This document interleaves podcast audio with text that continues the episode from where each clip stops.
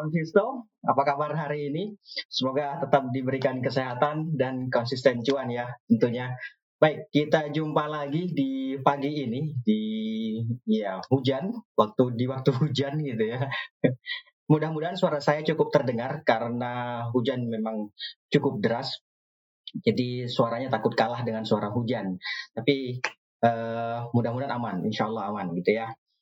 Baik, seperti biasa, sebelum kita ke ide-ide trading, ada baiknya kita review dulu pergerakan IHSG di perdagangan kemarin.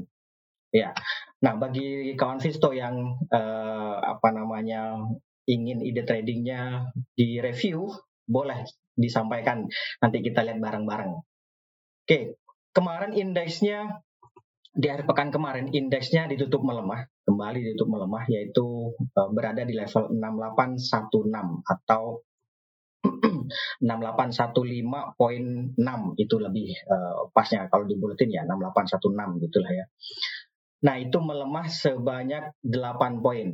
Memang cukup tipis. Kalau secara persentase pelemahannya sebesar minus 0,12 persen melemah tipis sih atau melemah terbatas gitu ya. Memang pergerakannya di awal dia sejak dari awal sampai dengan akhir perdagangan memang sudah berada di teritori uh, negatif gitu ya dan belum sempat sama sekali uh, setahu saya belum sempat sama sekali kalaupun sempat hanya sedikit banget belum sempat dia berada di teritori uh, positif gitu ya. Jadi dari di awal perdagangan dia sudah ditutup melemah, uh, sorry, dibuka melemah, kemudian memang ber, sempat bergerak menguat sedikit, tapi belum mampu uh, berada di teritori positif. Setelah itu dia mengalami tekanan lagi sampai dengan akhir sesi pertama. Di akhir sesi kedua muncul memang uh, dorongan beli yang itu bertahan sampai dengan akhir sesi, tetapi belum cukup untuk membawa indeks berada di teritori uh, positif, sehingga di, uh, di perdagangan akhir pekan kemarin praktis indeksnya bergerak cukup fluktuatif dengan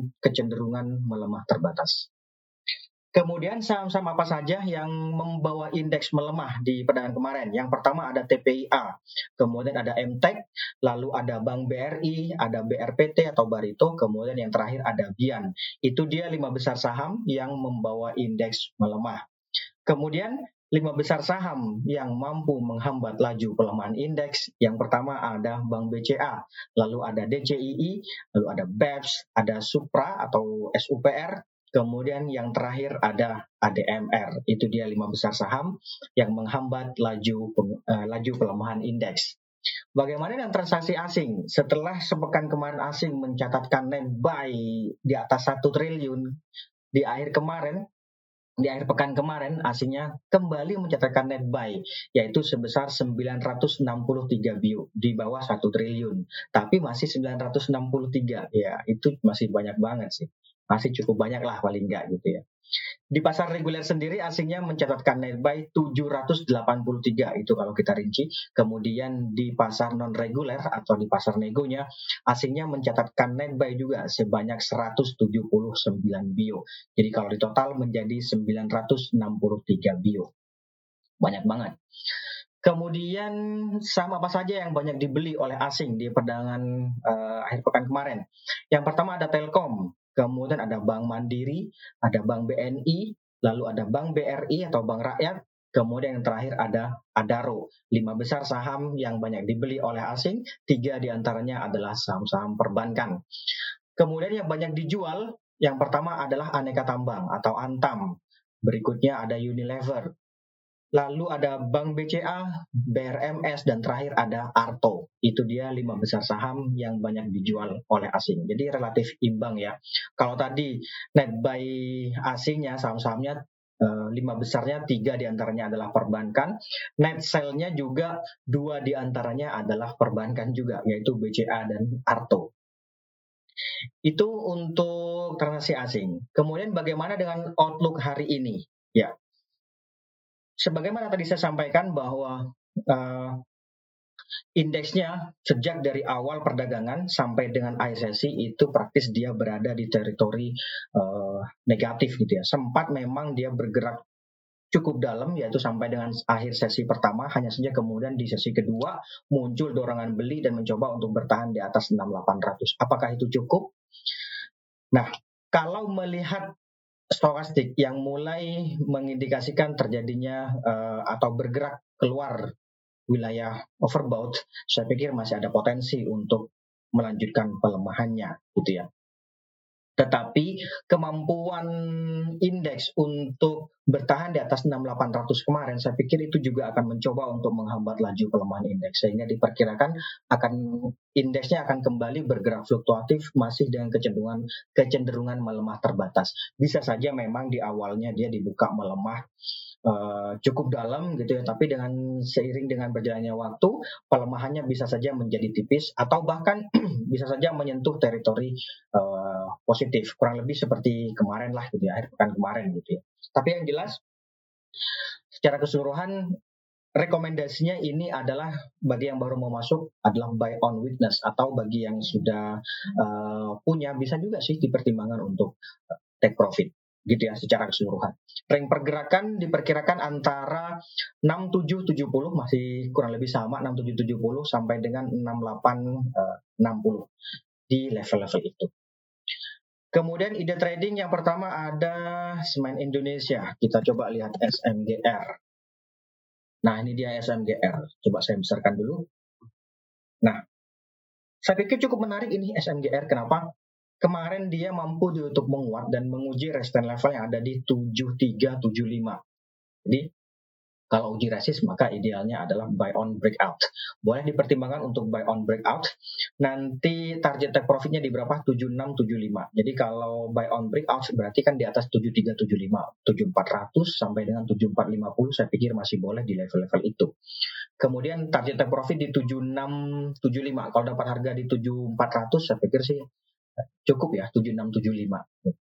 Atau di atasnya ya 7825. 7825 sih boleh juga. 7675 sampai dengan 787825 boleh dipertimbangkan untuk take profit di level-level itu. Nanti stop lossnya di berapa? Stop lossnya kalau harga melemah sampai di bawah 7200. Itu. Itu saya pikir untuk semen Indonesia kita lanjut. Ada uh, sebentar. INKP. Ya, INKP. Nah, ini dia INKP sebentar. Ya, kalau melihat ini INKP kemarin juga sempat bergerak melemah uji support yang ada di 7500 hanya saja belum mampu untuk melewatinya. Jadi saya pikir ini bisa saja sih spekulatif buy boleh, yaitu di 76 sampai dengan 77 boleh. Atau buy on weakness juga boleh. Jadi uh, spekulatif buy juga boleh 7677 atau buy on weakness juga boleh. Kalau mau buy on weakness berarti 75 sampai dengan 76 di level-level itu boleh. Itu ya. Untuk INKP nanti target take profitnya di berapa? Kalau kalau dapat katakanlah dapat harga di 76 deh dapat harga di 7600 8000 sih harusnya cukup sih. Cukup nggak sih? Cukup ya. Di atasnya itu ada 8200 tapi 8000 sih harusnya sih sudah cukup. Apalagi dapat harga di 7500 misalnya. Saya pikir uh, cukup sih. Oke kemudian stop loss nanti kalau harga melemah sampai di bawah 7400 kalau di bawah sini ada baiknya dipertimbangkan untuk uh, stop loss kawan gitu ya. Kalau melihat ini nih, ini golden cross yang terjadi pada uh, emisi, saya pikir masih ada peluang untuk melanjutkan penguatannya dalam jangka pendek. Itu untuk INKP. Kita lihat lagi ada Cepin. Oke, nah ini dia Cepin. Cepin kemarin dia untuk bertahan di 5850, sempat memang dia bergerak melemah dan saya pikir kalau melihat pergerakan harga atau tekanan jual yang terjadi selama beberapa hari terakhir, ada potensi untuk uji support yang ada di 5700. Jadi ada baiknya juga ini dipertimbangkan untuk buy on weakness. Boleh dipertimbangkan di 5700 sampai 5800 saya pikir boleh. Kalau 5800 kan berarti 2 poin di bawah kemarin. 2 poin di bawah closing kemarin gitu ya. Saya pikir boleh di level-level itu buy on weakness. Nanti targetnya di berapa? Targetnya saya pikir di 5950 harusnya cukup. 5950 di atasnya ada 6050. Apalagi kalau dapat harga katakanlah di 5700. 5700 jual di 5950 mestinya sih cukup gitu ya. Atau di atasnya ya 6050 deh. 6050 itu di sini kawan, di garis yang biru ini. Gitu. Oke. Itu kalau 5950 yang merah ini. Nih ya kalau dapat harga katakanlah misalnya nih ngejar ternyata nggak dapat harga di 5800 dapat harganya di 5850 ya boleh dipertimbangkan di 6020 di sini eh sorry 6050 gitu ya take profitnya di 6050 lumayan Oke, itu untuk cepin. Nanti stop lossnya kalau harga melemah di bawah 5600, bawah sini kawan. Kalau di bawah 5600 bisa dipertimbangkan untuk uh, stop loss. Kemudian berikutnya ada lagi coba kita lihat dulu Abba. Abba. Oke, okay, Abba. Wih, cakep ya. Ya, ini sih uh, trading buy. Ini trading buy boleh. Nanti target profitnya di sini 430 gitu ya. Bagi yang baru masuk, hmm, ya mesti diperhatikan atau mesti apa ya, mesti di depan komputer sih untuk melihat pergerakannya se selincah mana nih Abah nih. Kemarin kan dari 350, iya bener nggak? Dari 350 sampai ke bahkan sampai ke 418. Berarti kan uh, pergerakannya cukup barbar gitu ya. Jadi boleh juga bagi yang baru mau masuk atau baru uh, masuk ke industri ini, uh, sebenarnya sih belum pas ke sini. Tapi ya sekali-kali bolehlah uji nyali di sini gitu ya. Man mesti diperhatikan juga, mesti di apa namanya di dipantengin, pantengin itu bahasa yang pas trading buy atau kalau hari ini dia dibuka melemah dibandingkan closing kemarin misalnya ini dibuka melemah di uh, di bawah closing kemarin maka boleh dipertimbangkan buy on witness di sini 380 itu ya 380 nanti target take profitnya di berapa saya pikir yang jelas resisten level terdekatnya itu ada di 414 sampai dengan 430 boleh dipertimbangkan di level-level itu gitu ya. Kalau melihat pergerakan harga maka ini trading buy. Artinya kalau trading buy kan berarti uh, potensial returnnya itu lebih sedikit dibandingkan dengan potensial risk, gitu ya. Atau risk lebih besar dibanding return. Gitulah potensialnya. Oke, itu untuk ABA cukup menarik, cukup menarik. Boleh juga. Kemudian ada lagi BNBA. Siap. Ini dia BNBA. Ya, BNBA kemarin sempat dibuka menguat di awal perdagangan, hanya saja kemudian mengalami tekanan jual dan ditutup melemah dua poin. Melem, oh sorry, bukan dua poin, melemah lima poin, cukup banyak, yaitu berada di level 3.200. Saya pikir idealnya ini adalah buy on weakness bagi yang baru mau masuk, bagi yang sudah punya, boleh juga sih dipertimbangkan untuk take profit. Take profit terlebih dahulu bisa di 3.300 sampai dengan 3.250 di level-level itu bisa dipertimbangkan untuk take profit gitu ya. Jadi sekali lagi bagi yang baru mau masuk idealnya boleh dipertimbangkan untuk buy on weakness boleh di 3000 sampai dengan 3000 berapa di sini? 3060. 3000 3060 boleh dipertimbangkan di level-level itu bagi yang baru mau masuk. Bagi yang sudah punya ada baiknya juga dipertimbangkan untuk take profit terlebih dahulu. Bisa di 3300 atau 3250 di level-level itu. Kalau harga ternyata berbalik menguat sampai di atas 3370, ya kalau harga berbalik menguat di atas 3370 boleh dipertimbangkan juga untuk trading buy. Nanti targetnya di berapa? 3500 di sini kawan. Nih. Gitu ya. Oke. Idealnya ini buy on weakness gitu. Cuman kalau harga mampu menguat sampai di atas 3370, misalnya ya boleh dipertimbangkan untuk uh, trading buy, misalnya 3400 gitu. Boleh dipertimbangkan untuk trading buy. Kemudian berikutnya ada lagi Arto. Arto. Oke, Arto. Nah, ini dia Arto. Arto kemarin mencoba apakah ini sudah uh, breakdown? Uh, saya pikir masih belum, tapi perlu diwaspadai saja bahwa tampaknya harga sedang mencoba untuk bertahan di atas 15.000. Kalau hari ini dia mampu bertahan di atas 15.000 atau 14.500 lah, ya. Confirmnya di, di atas 14.500 ya. Kalau misalnya nih harga ternyata hari ini dia bergerak melemah cukup tajam, yaitu di bawah 4.500 eh, 14.500 ada baiknya dipertimbangkan untuk uh, stop loss bagi yang sudah punya gitu ya stop loss terlebih dahulu gitu nanti uh, belinya kapan belinya nanti kalau sudah ada muncul sinyal-sinyal lagi gitu ya contoh kayak gini nih gitu ya belinya nanti kalau sudah muncul ya paling nggak spinning top kayak gini Apakah ini bisa disebut spinning top? Iya, bisa saja. Tapi yang, yang jelas kemarin masih muncul dorongan beli yang mencoba untuk melawan atau menghambat laju pelemahan uh, harga. Gitu ya. Kalau misalnya nih hari ini ternyata dia berbalik menguat di atas ini, 15.200 saya pikir sih bisa saja dipertimbangkan untuk trading buy bagi yang baru mau masuk atau spekulatif buy gitu gitu ya Oke, yang jelas ini uh, di apa uji support lah bisa dibilang uji support. Uji MA 200 nih, MA 200 nya di sini nih kawan. 14850. Confirmnya yang 14500. Nanti kalau di bawah 14500 boleh dipertimbangkan untuk uh, stop loss. Gitu. Oke. Itu untuk Arto. Kita lanjut. Ada lagi Telkom. Ya, Telkom kemarin sempat bergerak menguat Sempat bergerak muat sebentar, saya besarkan saja mungkin. Atau gini deh. Nah, gini. Nah, sempat bergerak menguat hanya saja kemudian bukan bergerak, dibuka menguat gitu ya. Ya juga bergerak menguat sih. Tertinggi kan 4550 ya.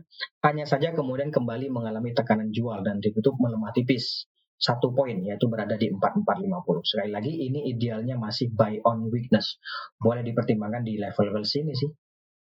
Berapa ini? 4280 ya di bawah 4300 di bawah 4350 di bawah itu sih harusnya itu ya.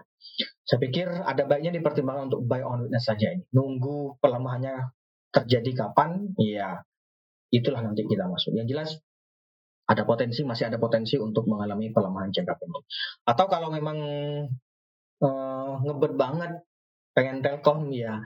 Kalau misalnya hari ini dia bergerak menguat di atas 4500, boleh saja dipertimbangkan untuk trading buy. Tapi menurut saya sih kurang wise sih. Ada baiknya buy on saja.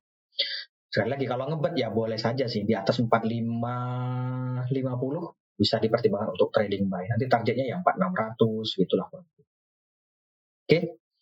Itu untuk uh, Telkom. Berikutnya ada lagi CMPP. CMPP. ya, ini belum pernah di uh, apa namanya? belum pernah di review, jadi akan seperti ini jadinya. Nah, ini kemarin suspend ya, masih suspend ya. Ya, masih suspend ternyata. Jadi kalau hari ini dibuka kemungkinan bisa saja dibuka menguat ya kalau melihat pergerakan harga ini jadi saya pikir bisa saja dipertimbangkan untuk trading buy trading buy nanti sebentar kita coba gini ya nah ini dia oke nah resisten terdekatnya sih di sini tapi saya pikir 585 oh, bisa saja jangan-jangan bukanya mana 585 gitu ya resisten berikutnya itu ada di ini deh 650. 650 di bawahnya ada 600. 600 650. Jadi targetnya 650. Gitulah paling dekat gitu ya. Bukan paling dekat. Apa ya? Ideal cukup ideal lah. Cukup ideal untuk take profit itu di 650. Jadi misalnya nih, katakanlah hari ini dibuka atau besok dibuka atau kapan pun dibuka, harga dibuka katakanlah menguat di 580 atau di bahkan di 600. Yang jelas target 650 jika itu masih dinilai layak boleh ikutan trading buy gitu ya. Tapi kalau ternyata dia bukanya melemah ya mending di bawah aja, tunggu aja di bawah gitu. Barangkali tertarik dengan uh, eh, CMPP itu dia. Oke, kalau target penguatannya sesuai ini ya tentu akan coba ke di atas ini ya kawan ya di atas ribuan ya nggak usah ke situ dulu deh. Yang dekat-dekat aja dulu. Yang dekat-dekat yang dekat-dekat dulu deh. Ya 650 lah gitu. Oke okay? nggak usah jauh-jauh dulu. Itu untuk CMPP berikutnya ada lagi enggak Cepro Cepro ya ini lumayan tapi kalau melihat uh, apa namanya indikator, saya pikir ada potensi untuk mengalami konsolidasi, uji lagi support yang ada di sini, yaitu di 95. Maka idealnya menjadi buy on weakness. Boleh di 91 sampai 95 boleh di level-level itu. Ya, kalau dapat harga di 95 ya saya pikir sih harusnya 100 bahkan 107 cukup 100 sampai 107 cukup yang jelas resisten kemarin itu ada di 100 berapa 107 ya ya 107 108 kalau misalnya hari ini dia dibuka menguat, katakanlah dibuka di 102, kemudian bergerak menguat 103, 104, itu targetnya 108. Masih layak nggak? Kalau masih layak bisa trading buy. Misalnya nih, uh, dia bergerak 103, 104, kita masuk. Targetnya nggak usah jauh-jauh, 107, 108 gitu cukup sih harusnya. Jangan kan 107, dapat harga 103, jual 105 itu sudah cukup saya sih cukup orang lain belum tentu cukup untung sih tapi belum tentu cukup gitu kan oke itu untuk Cepro cukup menarik sih ini karena uh, ini kan apa bisa dibilang mematahkan kecenderungan melemah meskipun minor nah nih ini dia menarik ya ya cukup menarik lah lumayan lah gitu ya oke itu untuk Cepro. Berikutnya ada Behit. Oke, Behit. Ya, kalau melihat Behit ini, sehari sebelumnya dia sempat bergerak menguat, ditutup menguat sih memang. Tapi tekanan jualnya kan uh, cukup tinggi juga gitu ya. Kemudian kemarin juga gitu juga. Kemarin malah uh, masih tinggi tekanan jualnya. Jadi idealnya sih menurut saya ini bagi yang baru mau masuk bisa buy on weakness atau buy on breakout saja gitu ya. Kalau mau buy on weakness di 65 ke bawah. 65 Uh, 63, 63 sampai 65 boleh dipertimbangkan di level-level itu. Atau kalau hari ini dia bergerak menguat sampai di atas 69 atau di atas 70 deh. Di atas 70 itu boleh sih dipertimbangkan untuk uh, trading buy. 70 nanti targetnya di berapa? Ya, kalau dapat 70 saya pikir 73, 75 ya, gitu harusnya sih uh, cukup ya. Terus di atas 75 ada ini 77 jangan ya. Berapa ini? Tuh ya 77. Itu dia resistance levelnya. Jadi uh, 71 lebih pasnya ya. 71 kemudian 73 75 77 di level-level itu boleh dipertimbangkan untuk take profit. Main cepatnya sih harusnya sih kalau bergerak naik main cepatnya sih bisa gitu ya. Tapi kalau turun mending buy on saja yaitu 65 uh, 63 sampai 65 sini. Ini 65 kemudian di bawahnya sini ada 63 level-level itu. Oke, itu saya pikir untuk BHIT. Kita lanjut BGTG. Nah, BGTG juga lumayan masih mengalami konsolidasi. Kemarin dia mampu untuk menguat memang, tapi sebenarnya dia masih melanjutkan konsolidasi. Idealnya masih buy on witness yaitu bisa dipertimbangkan di 264 atau ya 262 ya. Ya 264. 264 264 boleh dipertimbangkan untuk uh, buy on ini di level-level itu ya 264 sampai 270 deh. Uh, buy on di level-level itu saya pikir boleh sih. Atau kalau hari ini dia bergerak menguat sampai di atas 284 juga bisa dipertimbangkan untuk trading buy. Nanti targetnya di berapa? Kalau dapat harga di atas 284, saya pikir 300 sih take profitnya. 300, kemudian di atasnya ada 320 di level-level itu. Ini cukup menarik. Tapi idealnya masih buy on weakness. Oke. Okay? Kalau sekali lagi, kalau hari ini dia bergerak menguat di atas 284, boleh dipertimbangkan untuk trading buy. Oke, okay, itu untuk BGTG. Berikutnya ada lagi BBYB. Oke, okay, BBYB. BBYB. Nah, ini dia. Ya, BBYB. Uh, eh, nah, kalau melihat uh, pergerakan harga di perdagangan akhir pekan kemarin, maka BBYB saya pikir boleh juga dipertimbangkan untuk spekulatif buy di sini, yaitu 2230. Ya berarti buy on weakness. Kemarin kan closingnya 2290, 2230 cukup jauh. Boleh sih dipertimbangkan untuk buy on weakness, boleh di level-level sini. Kalau sini kan 200 nih. 2180 sampai 2230 di level itu. Gitu ya. 2180 sampai dengan 2230 boleh di level-level itu dipertimbangkan untuk uh, apa namanya speculative buy atau buy awareness di level-level itu. Targetnya di berapa ini dia 2360 2360 sampai dengan 2450 saya pikir boleh di level-level itu cukup menarik sih ini BBYB tapi sekali lagi idealnya adalah buy on weakness Oke, itu untuk BBYB. Kita sedikit ngebut. Ada lagi buka. buka. Ya. Nah, ini dia. Buka kemarin ditutup melemah, memang melemah tipis hanya satu poin. Dia mencoba untuk bertahan di atas uh, ini EMA 20. Jadi saya pikir kalau apalagi melihat uh, indikator yang cenderung melemah, saya pikir idealnya ini bagi yang sudah punya boleh dipertimbangkan untuk take profit terlebih dahulu. Atau kalau yang belum punya mau masuk, ada baiknya dipertimbangkan buy on breakout saja di atas 400 atau paling enggak di atas 396 ya di atas 396 boleh dipertimbangkan untuk uh, trading buy atau speculative buy gitu ya. Buy on breakout.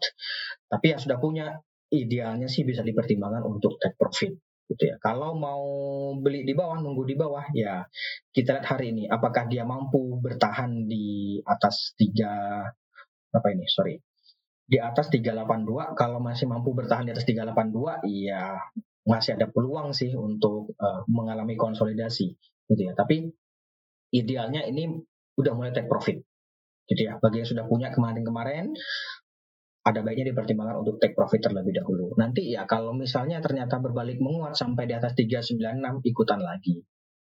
Ikutan lagi gitu ya. Buyback namanya. Oke, itu untuk buka dampak perang Rusia terhadap uh, Rusia Ukraina ke ISG. Oke, okay.